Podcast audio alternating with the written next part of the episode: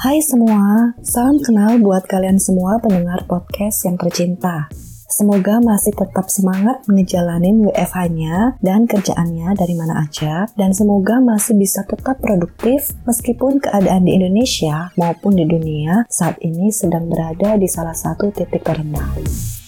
Mari kita semua berdoa semoga hal buruk yang terjadi ini segera bisa berakhir dan bisa kita lewati, dan kita bisa kembali beraktivitas dengan normal.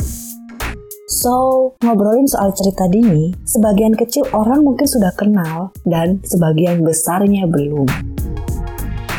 Cerita Dini bermula dari sebuah akun Instagram yang aku miliki, yang dari awal dia dibuat memang punya tujuan buat kasih hal-hal positif melalui kontennya. Kebetulan aku, Dini Prativi, yang saat ini adalah dosen manajemen bisnis di suatu universitas swasta di Surabaya, dan seseorang yang selalu haus ilmu dan punya rasa ingin tahu yang begitu besar ini, memang suka nulis. Hanya emang paling males kalau disuruh nulis hal-hal yang terlalu panjang, dalam bentuk novel atau buku misalnya. Atau yang terlalu ilmiah, dalam bentuk penelitian atau karya tulis misalnya. Selain suka nulis, Dini juga suka gato, Ngelihat orang rese gatel. Ngelihat isu-isu meresahkan gatel. Ngelihat ilmu baru yang seru gatel. Kalau gatel di kulit sih bisa digaruk ya. Tapi kalau gatel di kepala. Jadilah, Dini banyak nulis di konten Instagramnya untuk menghalau rasa gatelnya. Dan itulah sejarah diawalinya akun Instagram cerita Dini. Jadi bukan tanpa alasan dan bukan alay-alayan ya.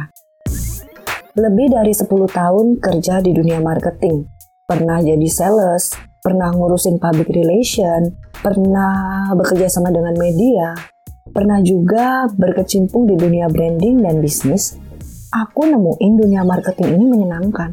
Kenapa? Karena bagiku belajar marketing itu berarti belajar untuk terus jadi kreatif dan inovatif.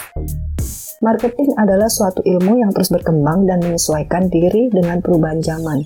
Jadi nggak pernah ngebosenin nggak bakal pernah habis yang namanya ngobrolin marketing, karena terlalu luas dan terlalu ke mana-mana nih cakupannya. Awal 2018 yang lalu, aku nemuin satu bagian kecil dari luasnya keilmuan marketing yang memang sangat aku sukai dan paling ingin aku dalami, yaitu personal branding. Kenapa sih kok personal branding? Jawabannya simple, karena aku, kamu, dan kita semua membutuhkannya. Kita bisa aja cuma orang tua biasa yang tinggal di rumah dan gak bekerja. Tapi kita punya istri, suami, atau anak yang bakal ngedengerin kita atau bahkan imitasi cara berpikir dan cara hidup kita. Kita juga bisa aja cuma mahasiswa biasa, tapi kita punya circle of friends atau sekumpulan teman yang sering main sama kita dan kumpul bareng kita dan menyetujui apa aja yang kita bicarakan, lalu menceritakan itu ke kawan lainnya.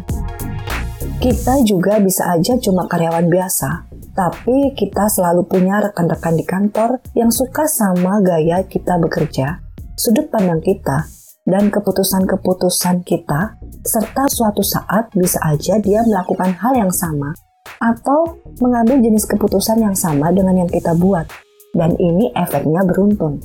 Apalagi zaman sekarang, teknologi sudah memulai terjadinya banyak perubahan dalam semua aspek kehidupan kita, termasuk dalam menyebarluaskan pengaruh atau biasa kita sebut influence.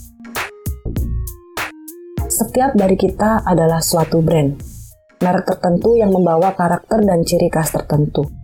Keunikan kita membuat kita dikenal. Semakin unik, semakin dikenallah kita. Dini itu gimana? Kamu itu gimana? Dia itu gimana? Kamu itu siapa? Dia itu siapa? Dan Dini itu siapa? Hal yang tidak unik, hal yang biasa, tapi bisa ditampilkan dengan pembawaan yang tidak biasa, juga bisa membuat suatu brand semakin dikenal. Semakin kuat suatu brand, ini nih yang penting, akan semakin kuat juga pengaruh yang disebabkannya.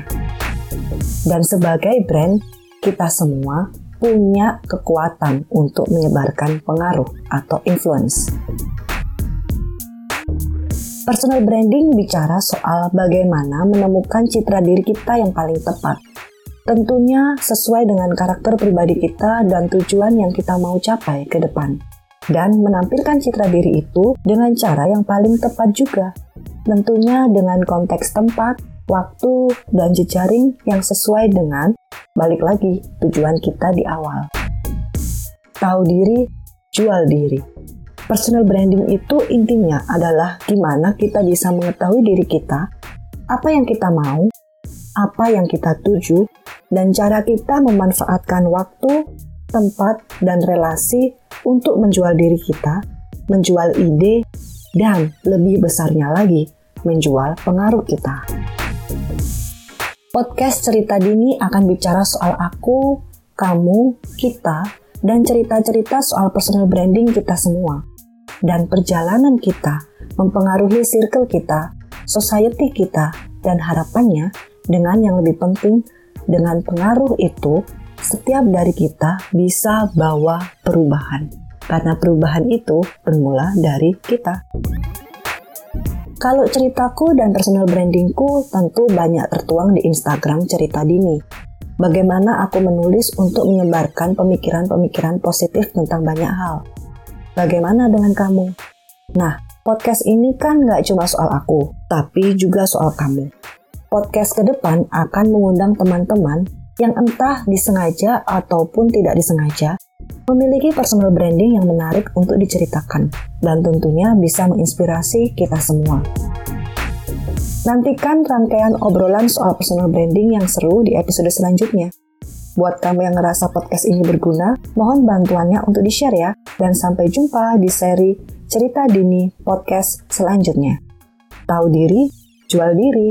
Bye-bye.